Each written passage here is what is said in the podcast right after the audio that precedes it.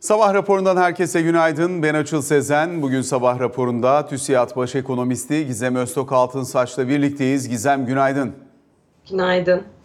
Şimdi dünden bugüne önemli başlıklar var. Geçtiğimiz haftadan bu yana özellikle yurt dışı piyasalarda Amerikan tahvillerindeki satış ve bunun yansımasını konuşuyoruz. Dün gelen ADP özel sektör istihdam verisi buralarda biraz da aşırı kaçmış olan fiyatlamanın nispeten az da olsa normalleşmesiyle sonuçlandı. Amerikan 10 yıllıkları 4.70'lerin sınırına kadar gelmiş görünüyor.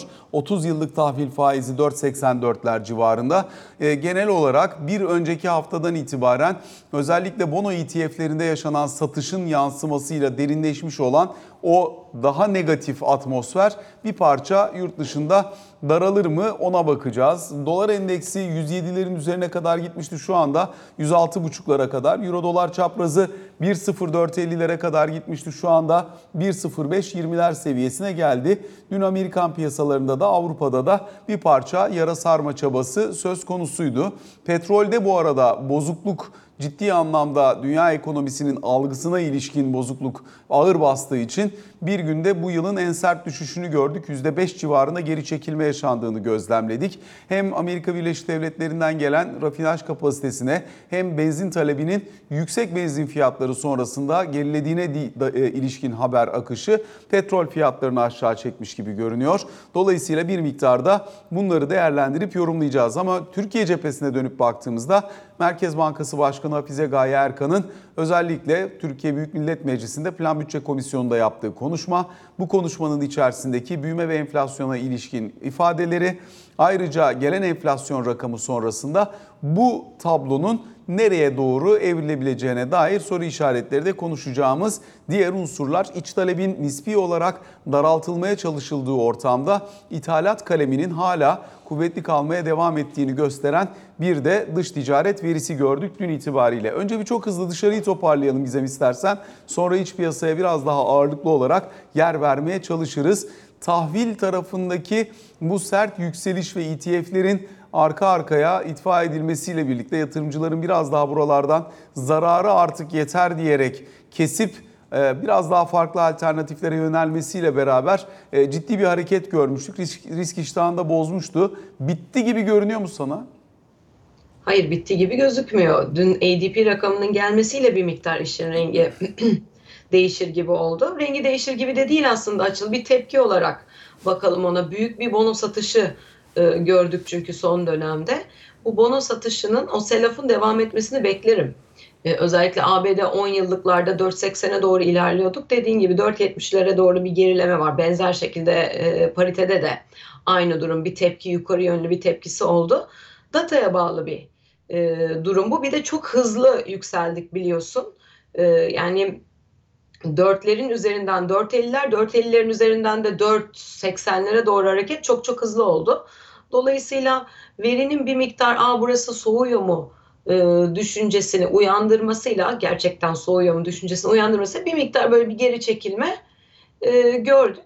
Sadece tepki olarak nitelendiriyorum. Şimdi e, bugün de yeniden datalar var. E, yarın da keza e, istihdam verileri gelecek. Bunlar çok mühim. E, dolayısıyla eğer ekonominin soğuduğuna dair gerçekten yani istihdam piyasası biliyorsun çok sıkı diyordu. Very tight diyordu. Sonra onu tight'a döndürdü. Sıkıya döndürmüştü Powell. E, eğer burada gerçekten istihdam piyasasının soğuduğuna dair emareler görürsek evet 4.70'lerin de altına kayarız. Yani 70 seviyeyi doğru değil 4.50'lere doğru kayarız ama e, normal şartlar altında ABD ekonomisindeki talep yani içerideki ısınmışlık süreci e, kısmen soğumasına rağmen hala şiddetli devam ediyor. Bu da bir tur daha Fed'in faiz arttırımlarıyla sonuçlanacaktır. Dolayısıyla ben süreci geçici buluyorum ve yönün 5'e doğru, %5'lere doğru devam etmesini bekliyorum. Yani bono satışının henüz tamamlandığını düşünmüyorum.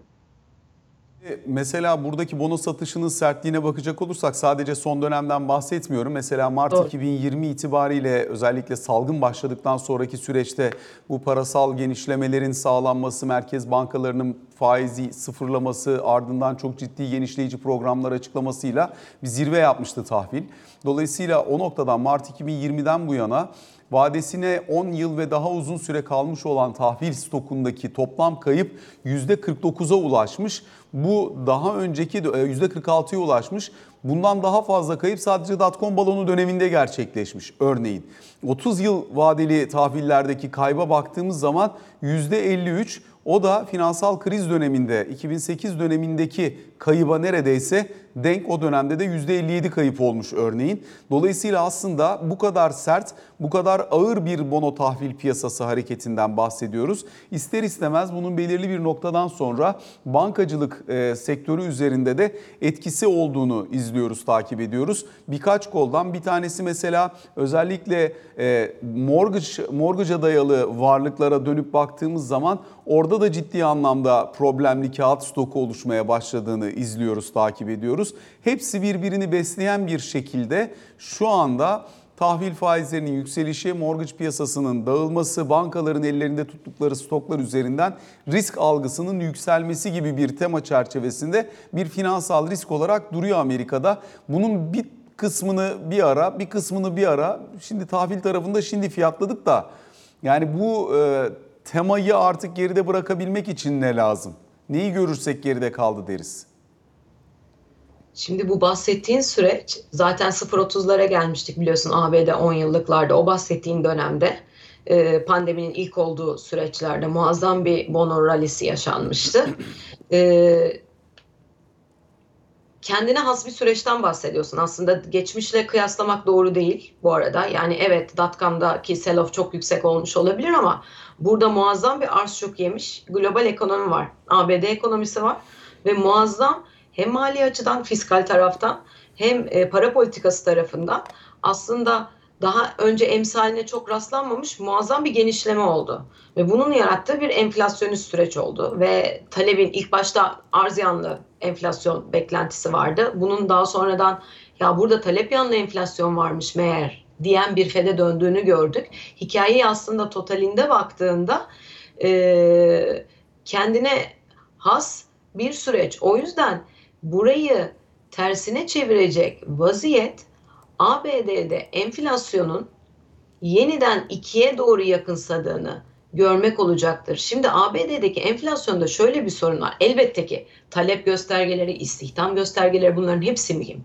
Ama normal şartlar altında büyük ihtimalle Amerika'da enflasyon 3,5-4'lerde takılacak gibi duruyor. Bu iç taleple. Öyle gibi duruyor. Öyle olmayabilir ama öyle gibi duruyor.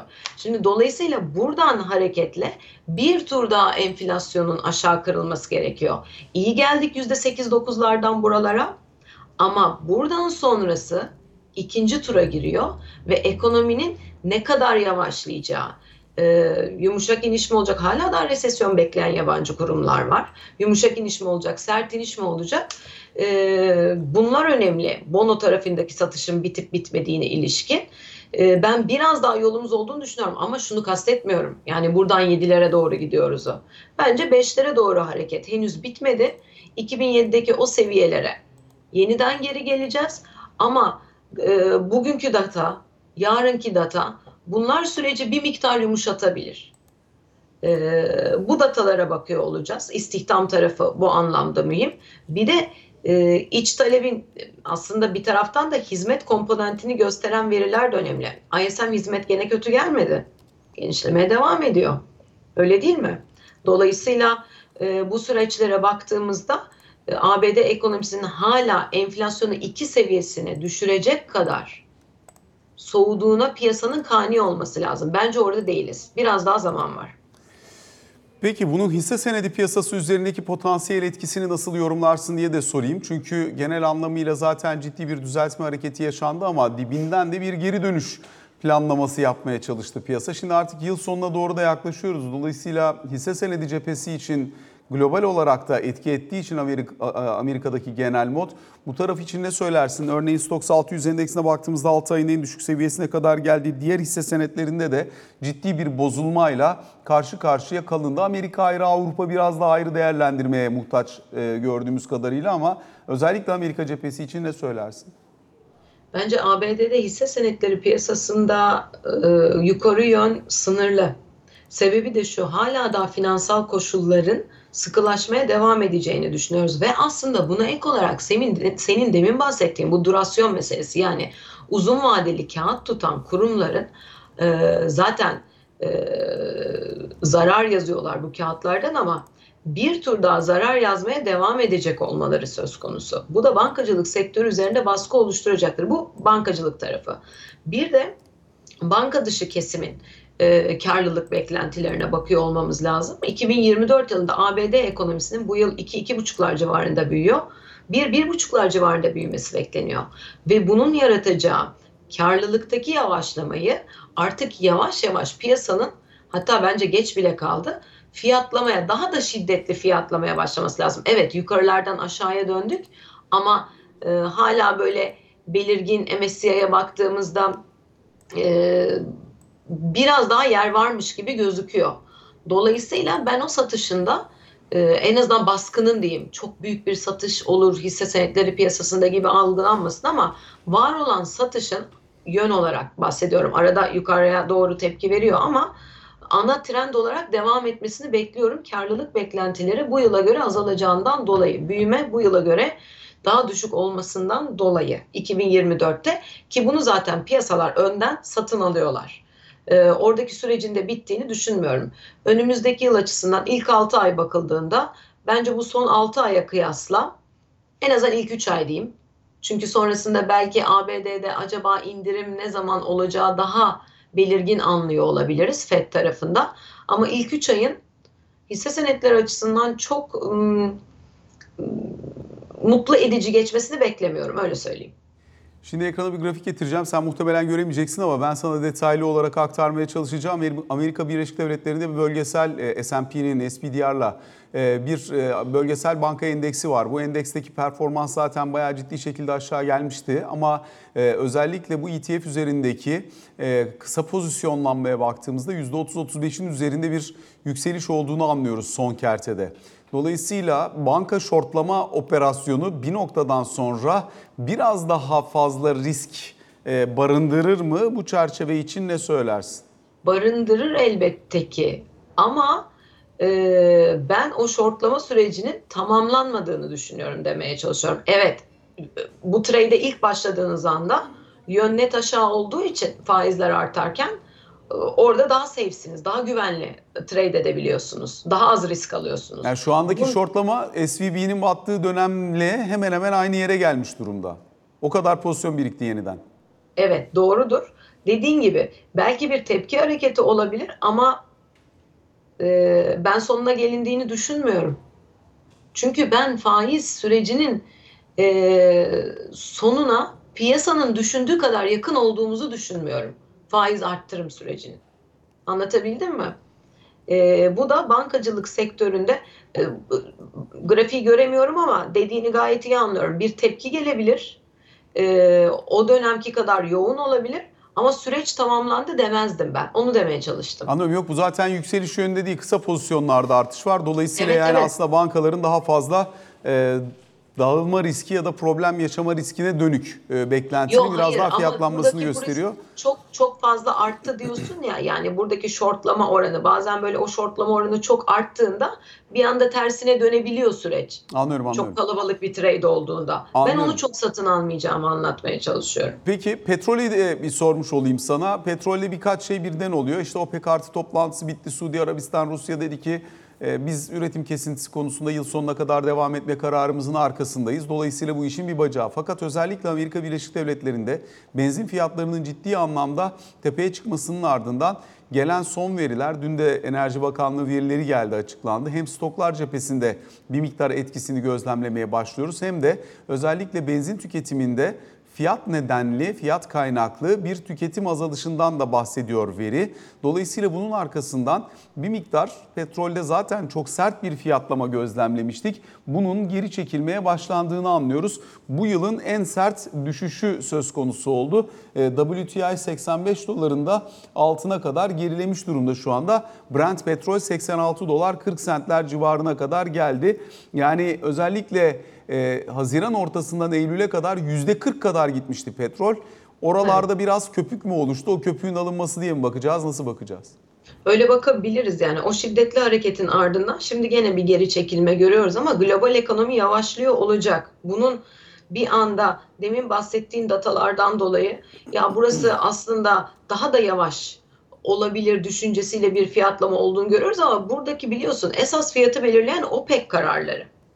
Dolayısıyla orada ileriki vadede gelecek olan OPEC kararları gene belirleyici olacaktır. Talep açısından bakıldığında önümüzdeki yıl e, Çin için de geçerli bu. Beşlerin üzerinde büyüyor, dörtlere doğru yavaşlaması bekleniyor ve dünya talebinin yani dünya büyümesi mesela dünya yüzde üç büyüyorsa bir puanı Çin'den geliyor. E, önümüzdeki yıl iki buçuklar civarında gelecek. E, büyük ihtimalle dünya büyümesi. Bu talepteki yavaşlama hem emtiaları hem de petrolü biraz sakinleştirmesi gerekir. Petrol biraz daha petrolle altın kendine has ürünler bu arada ama dediğim gibi orada da OPEC'in kararları etkili olacak. Ben petrolde burayı bozacak önümüzdeki birkaç aylık vadede e, şiddetli bir rally daha fazla beklemiyorum e, açıkçası. E, onu söyleyebilirim ama geri çekilmeler de tabii global büyümenin hareketine ve OPEC'teki üretim kararlarına göre e, değişir. Bu arada deminki soruna istinaden de şunu atlamak istemem. Mesela e, mini bankacılık krizi yaşadık biz yılın başında. Bu demek değil ki bundan sonrasında da finansal koşullar sıkılaştıkça bazı bankalarda rahatsızlık olmayacak ABD tarafında. Bu tarz şeyler görebiliriz. Eğer bunlar bu tarz haber akışı artarsa Fed elbette ki durur. Hani onun da e, altını çizeyim. O yanlış anlaşılmasın. Şimdi kısa bir araya gideceğiz Gizem. Dönüşte biraz daha ağırlıklı olarak Türkiye sormaya başlayacağım.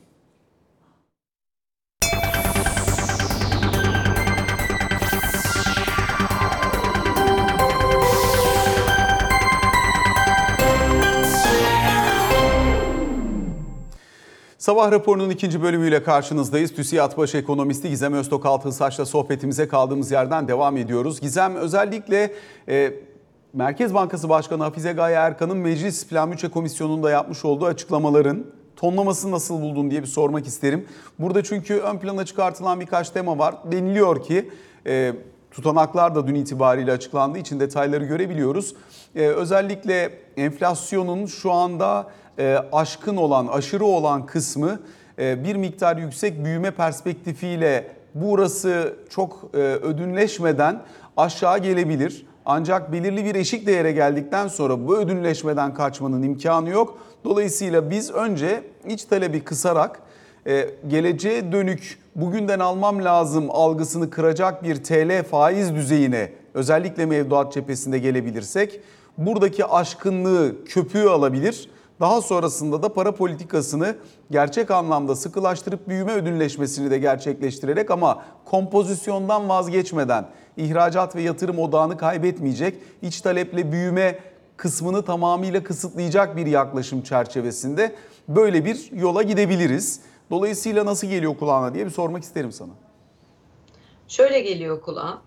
Ee, bir noktada evet doğru. Belli bir durumda merkez bankacılığında bu tarz bir U dönüşü yaptığınızda e, büyümeyle e, enflasyon muhakkak ki ilk anda bir ödünleşim söz konusu olmayabilir. Orada öyle bir trade-off e, olmayabilir. Çünkü Merkez Bankası e, beklentileri doğru çıpalamaya başladığında yani ileriye dönük enflasyon beklentileri yeniden resmin içine girmeye başladığında e, ve e, bir miktar şeffaflığı, kredibilitesi arttığında geriye dönük fiyatlama çok yoğun biliyorsun şu an. Buna doğru bir politika değişiminde e, aslında bir miktar daha büyüyerek yani ilk aşamada büyümeden çok da şiddetli feragat etmeden enflasyon üzerindeki o köpüğü alabilirsiniz. Örneğin kur geçişkenliği azalabilir. Çünkü bu kanalla bir taraftan da makro istikrarı sağlıyorsunuz. Bir taraftan ülkeye döviz girişi gerçekleşiyor. Bu döviz girişi de büyümenizi fonluyor. Böylece hem büyümenizi fonlarken hem döviz girişiyle TL'yi stabil kılarak hem de kur geçişkenliğini geride bırakarak en azından 15-20 puanlık kısmını geride bırakabilirsiniz. Bu birinci aşama. bunun için çok şiddetli soğumanıza lüzum yok ekonomide. Ben bu görüşe katılıyorum. O ilk aşamada bu denli bir ödümleşime, ödünleşime ihtiyaç var mı veya olması gerekiyor mu? Hayır. Dediğim gibi makro istikrarı sağladığınız için içeriye döviz girişi de olacağı için veya TL stabil kaldığı için büyümenizi gene fonluyorsunuz. Bu birinci aşama. Buradan da Mart sonrası dönemde, seçim sonrası dönemde bu noktaya gelinmesinin ardından bir tur daha sıkılaşmayla büyümede biraz daha feragat ettiğimiz, soğumanın bir kademe daha öteye gittiği bir süreç beklenmeli şeklinde okuyorum bu açıklamaları. Ee, bunlar erişilebilir durumlar ama açıl. Şimdi petrol fiyatları risk oluşturuyor. İç talep çok şiddetli. İç talebin tüketim komponenti. Aslında ekonomi yönetiminin şu açıklaması anlaşılır. Ben iç talebin yatırım komponentinin güçlü gitmesini istiyorum. Dış talebinde ihracatının güçlü gitmesini istiyorum ve yüzde dört küsur büyümeye böyle ulaşmayı planlıyorum diyor.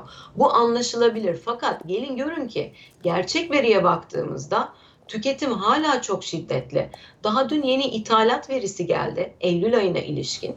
İthalatta daralma var ama içine bakıyorsunuz tüketim malı ithalatı yine yüzde kırklar civarında büyüyor. Dolayısıyla perakendeye bakıyorsunuz yine son derece yüksek ki dün Merkez Bankası Başkanımızın yaptığı sunumda da bunu gördük. Yani perakende muazzam yukarı gidiyor ama üretim tarafı stabil kalmaya devam ediyor. Hala belirgin bir çıktı fazlası var ekonomide. Ekonomi hala son derece sıcak. Vaziyet böyleyken biz en önce bir köpüğü alalım. Büyümeden de bir kadar ilk aşamada o ödülleşim gerçekleşmeyebilir. Daha sonra bu gerçekleşecektir. Orada hızlanacağız. Demek bir politika tercihi bana göre birazcık riskli. Neden? Çünkü enflasyonumuz yüzde yirmide değil. Yüzde 65-70'ler civarında olacak önümüzdeki 6 aylık vadede. Vaziyet böyle olduğu için birazcık zorlu bir yol. Ama şu doğrudur. Ee, her daim doğru politika dizayn ettiğinizde aslında birebir bir ödünleşim olmak zorunda değil. Yani ben faizleri arttırıyorum ve büyümeden de çok şiddetli feragat edeceğim. Hayır böyle olmak zorunda değil. Mesela IMF'nin bu yönde son dönemde çıkan bir takım paperları da var. Doğru set ettiğinizde politikanızı, iyi iletişim kurduğunuzda piyasada ki şu anki Merkez Bankası ekonomi yönetimine baktığımızda çok net bir iletişim çabası var. Şeffaflık olduğunda, şeffaflığa doğru ilerleme olduğunda diyelim. Şimdi şeffaflık dersek tam doğru olmaz. Oraya doğru bir ilerleme olduğunda ve kredibilitenizi arttıran hareketlerde bulunduğunuzda yavaş yavaş piyasada beklentiler geriye doğru fiyatlamadan ileriye yönelik fiyatlamaya doğru geçiyor. Enflasyon beklentileri. Bunu yapabildiğiniz aşamada çok şiddetli bir ödünleşime ilk anda lüzum olmayabilir. Ama dediğim gibi biz resmin totaline bakıyoruz. Bana göre enflasyonda evet 50'lere doğru bu şekilde gelinebilir. 40-50'ler bandına. Ama ondan sonrasında Türkiye'nin işi bugün düşündüğümüzden daha zor. O yüzden de bu bugün çok doğru adımları atsanız bile en az iki buçuk üç yıllık bir mesele. Yani birinci aşama tavanı gördükten sonra aşağıya doğru o köpük dediğimiz şeyi aşağıya doğru çekmek kur geçişkenliği vesaire bitmesiyle. İkinci aşama 40-50'lerden sonra ataleti kırmak 20'lere doğru. 20'lerden sonrayı aşağıya kırmak ise çok çok zor olacaktır. Bundan sonraki süreçte. Çünkü Türkiye enflasyonu ya bugün Türkiye'nin enflasyonla ilgili bulunduğu durum kredileri yavaşlatalım, faizi arttıralım meselesinin çok çok ötesinde. Biz bunu kademeli olarak 2016'dan, 2018'den ve 2020'den sonra çok net hatalı adımlarla bozduk ve kalıcı olarak bozduk. Bak bugün geçen gelen verinin hizmet bileşenine bak. %86'lara gelmiş bir yıllık hizmet enflasyonu var. Eğitim kalemine baktığımızda sadece bir ay %30'luk bir artış var. Bu bugün eğitim oluyor, yarın başka bir hizmet kalemi oluyor, öteki gün sağlık oluyor. Dolayısıyla buradaki yapışkanlık çok şiddetli. Dönüyoruz PPK notlarına bakıyoruz. Temmuz-Ağustos için e, deniyor ki beklenenin ötesinde bir bozulma olduğunu gördük enflasyonda. Gene bakıyoruz notlara. İç talep beklenenin ötesinde canlı sürmeye devam ediyor. Şimdi bunları da görünce Aslında tespitler tamamen e, doğru bence. Yani benim katıldığım tespitler. Fakat vaziyet buysa birazcık daha hızlı hareket etmek gerekebilir. 6 ay sonra bir tur daha sıkılaşmaya geçtiğinizde geç kalınma e, riski mevcut. Ama o ödülleşim konusuna katılıyorum. O da bahsettiğim sebepten makro istikrarı sağlarsınız. O köpüğü alırsınız bu kanalla. TL'yi de stabil kılarak. Peki Gizem özellikle bir taraftan da bu iş talebin kısılması kısmı ile ilgili atılan adımlar var. Kredi e, daralması, ihtiyaç kredilerinde özellikle alınan önlemler bunlar önemli. E, diğer tarafıyla da özellikle e, dün gelen geçici gümrük verilerine baktığımız zaman e, dış ticaret verisinde tüketim tarafında e, ithalat kaleminin bir miktar daha artış kaydettiğini görüyoruz. Elbette bunun önemli bir kısmı otomotiv bacağı üzerinden gelmiş. Onu da net olarak anlayabiliyoruz. Buraya alınan önlemlerle birlikte buranın belli ölçüde soğuma olasılığı da söz konusu olabilir. Biraz geriden geliyor olabilir buradaki yansıma. Ama e, genel gidişatı bu çerçevede nasıl gördüğünü merak ediyorum. Şimdi gene salı günü konuştuğumuz konuya geliyoruz. Açıl. Evet, e, tüketici kredilerinde belirgin yavaşlama var. Taşıt kredileri zaten çok pahalı, yok gibi diyebiliriz. Ama taşıtlar satılmaya devam ediyor. Demek ki bir yerde bir gelir seviyesi var ve enflasyon beklentileri hala son derece olumsuz ki insanlar o taşıt alımına devam ediyor. Dolayısıyla siz sadece kredileri kısarak, sıkılaştırma yaparak bu süreci kontrol edebilir misiniz? Bence ortaya çıkan soru bu. Bir taraftan da ücret artışlarının ne olacağı burada çok önemli. Ya Ocak ayı da gelecek olan ücret zamları Türkiye'nin enflasyonla mücadelesinde bugüne kadarkilerden hepsinden çok daha kritik olacaktır. Onu söyleyebilirim. E, artı senle şunu çok sık konuşuyorduk. Ekonomi homojen değil. Ortada bir servet etkisi var, refah etkisi var. İnsanlar belli bir kesim çok şiddetli bir refah etkisi sağladı kurdaki artışla birlikte. E, bunların harcadıkları, e, harcama yaptıkları süreçler var. Bunların hepsi ekonomideki iç talebi canlı tutuyor. Artı şimdi sen otomotivden bahsettin ama yılın son çeyreğinde perakende bir sürü kampanya göreceğiz. Ve öne çekilmiş talep hala devam ediyor. Az evvel ben enflasyon beklentilerini çıpalamaktan o yüzden bahsettim. En mühim konu bu. Doğru enflasyon hedeflemesi uygulamak istiyorsanız, daha doğrusu enflasyon hedeflemesini doğru uygulamak istiyorsanız beklentileri çok doğru zamanda e, doğru yerde çıpalamanız gerekiyor. Bunu yapamadığınız takdirde zaman kaybediyorsunuz, maliyeti artmış oluyor. Bir dönem sonra daha yüksek maliyetli faiz arttırımları yapmanız gerekiyor. O yüzden e, hala da o beklentilerin geçmişe kıyasla daha iyi durumdayız. Piyasadaki dönüş açısından. Çünkü şu anda yavaş yavaş enflasyonun kontrol edileceğine dair bir e, inanç en azından finansal piyasalarda oluşmaya başladı. Yolun çok başındayız ama oluşmaya başlıyor. E, dolayısıyla öngörülebilir bir sürece doğru ilerliyoruz. Henüz net değil ama oraya doğru ilerliyoruz. Bunlar hep makro istikrara fayda sağlıyor. Enflasyon beklentilerinin de bir dönem sonra çıpalanmasına fayda sağlıyor. Çok dengeli konuşmaya çalışıyorum. O noktada değiliz ama oraya doğru gidiyoruz. Bu pozitif. Fakat içerideki talep gelişmeleri hala daha bana analist olarak ya evet burası soğumaya başlıyorum tüketici kredileri dışında gerçekleşen data, hacim bazlı datalardan bahsediyorum. Beyaz eşya satışları, otomotiv satışları, perakende hacim endeksi, ithalat kaleminin alt e, bileşenlerinden tüketim malı ithalatı. Bunlar hala da evet burası kısmen soğumaya başladı. Sinyali vermiyor bence yeterli düzeyde ve 3 e, aylık vadede de verebileceğini düşünüyorum. Ha bakıyoruz mesela e, nakit avans tarafında faiz seviyesi 1.36'lardan %4'lere çıktı. Bu önemli bir adım. Belli yerleri soğutma adına. Ama geçtiğimiz dönem açıl o kadar bu tarafta para dağıttı ki bu 6 ay. Yani biliyorsun nakit avansla herkes ya gitti döviz aldı ya gitti araba aldı. Burada muazzam bir çıktı fazlası, talep fazlası oluştu. Bununla mücadele etmeniz yani frene bastığınızda hemen durmuyor araba. Ve siz çok hızlı gidiyorsunuz. O yüzden Hala mı hızlı daha gidiyoruz? önceki dönemde. Hala mı hızlı gidiyoruz? Evet onu anlatmaya çalışıyorum. Yani şu an Çok büyük bir soğuma çaba var. önlemlerine rağmen Yavaşlamıyoruz diyeyim. Düşündüğümüz kadar enflasyonun üzerindeki o köpüğü alabilecek kadar iç talep yavaşlamıyor. Aşırı talep yavaşlamıyor. Daha hızlı yavaşlaması lazım diye düşünüyorum nacizane. Bir yandan da dün reel efektif kur da geldi. Ee, burada tüfe bazlı baktığımız zaman e, işte %6'ya yakın bir artış var. 55,5'lara gelmiş durumda. Dolayısıyla dibinden bir yukarı gidiş var. Üfe bazlı baktığımızda ise 88'lere gelmiş durumda. Orada da %4 kadar bir artış var. Yani sonuçta son 2 ayda tüfe bazlı bakarsan %15'e yakın.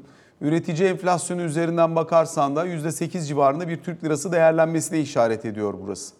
İhracatçı bacağı özellikle kar marjı dar olan sektörlerde bununla ilgili bir kaygı, endişe var. Tekstil, hazır giyim, konfeksiyon sektörünün temsilcileriyle konuştuğumda şöyle geri dönüşler alıyorum Gizem. Bilmiyorum ne dersin? İşçilik ücretlerimiz çok arttı. Sanayide kullanılan doğalgaza ve elektriğe ciddi anlamda zam geldi. Dolayısıyla hani bu maliyetlerin bu kadar yükseldiği ortamda bir de en büyük ihracat pazarımız başta Almanya olmak üzere ciddi bir talep daralmasıyla bizi karşı karşıya bırakmış durumda. Dolayısıyla hani bu ortamda değerli TL bizi sıkıştıran bir rol oynuyor. O nedenle ne olacağını görmek istiyoruz. Biraz daha öngörülür bir ortama ihtiyacımız var derler. Bir de özellikle seninle geçen sefer de konuşmuştuk kullandırılan e, reskont kredilerinde peşin kullandırım gerçekleştiği için oradaki maliyetler politika faizi civarında olmakla beraber peşin ödeme e, olduğu için yani başlangıçta kesildiği için kabaca 44-45'lere kadar geliyor der ihracatçılar. Bununla ilgili de bir Merkez Bankası'yla görüştüklerini söylerler. Ne dersin? Oralarda bir takım adımlar gelebilir. Ee, onu söyleyebilirim. Bu fonlama kısmı ile ilgili bence süreçte devam eden e, adımlar olacaktır. Fakat yine seninle geçen gün konuştuğumuz konu sıkıntı sadece fonlama değil. Bahsettiğin şey aslında TL'de bir miktarda müdahaleli bir süreç var. Yani ekrana intraday'e bakıyorsanız zaten e, dönem dönem e, müdahaleler olduğunu görebiliyorsunuz açıkçası. Bunun dayana çeşitli sebepler olabilir. Hiç oralarında değilim. Ama hala daha e, tam anlamıyla dalgalı kur sisteminde miyiz? O soru işareti. Onu söyleyebilirim. E, ve böyle yapmak zorunda da olabilir bu arada ekonomi yönetimi. Çünkü e, faizde kademeli gidiyoruz ve kur hala daha dengeli değil. Anlatabildim mi? E, fakat burada ihracatçıya baktığımızda sadece tekstilciler değil açıl herhangi bir sektör olsun hepsi kurdaki vaziyetten mutsuz. Şimdi Türkiye şu duruma sıkıştı kuru e, daha yüksek yerlere e, götürseniz yani buna daha izin veriyor olsanız bu sefer enflasyonu hiç kontrol edemeyeceksiniz. Çok çok daha zorlu bir sürece gireceğiz makro açıdan. Dolayısıyla e, bu kur tarafının ihracatçıyı çok rahatlatabilecek bir e, döneme doğru evrileceğini zannetmiyorum. Kademeli olarak değer kaybıyla herkes çalışıyor 30'lara doğru. Ama bu yetmiyor. O güne geldiğinizde başka işçilik maliyetleri de artmış oluyor. Anlatabildim mi yılbaşına geldiğimizde ve bu işçilik maliyetlerin artması özellikle iki yıldır ihracatçıyı çok fazla yormakta. Bunun dışında zaten ihracat pazarımız önümüzdeki yılda gelecek vaat etmiyor.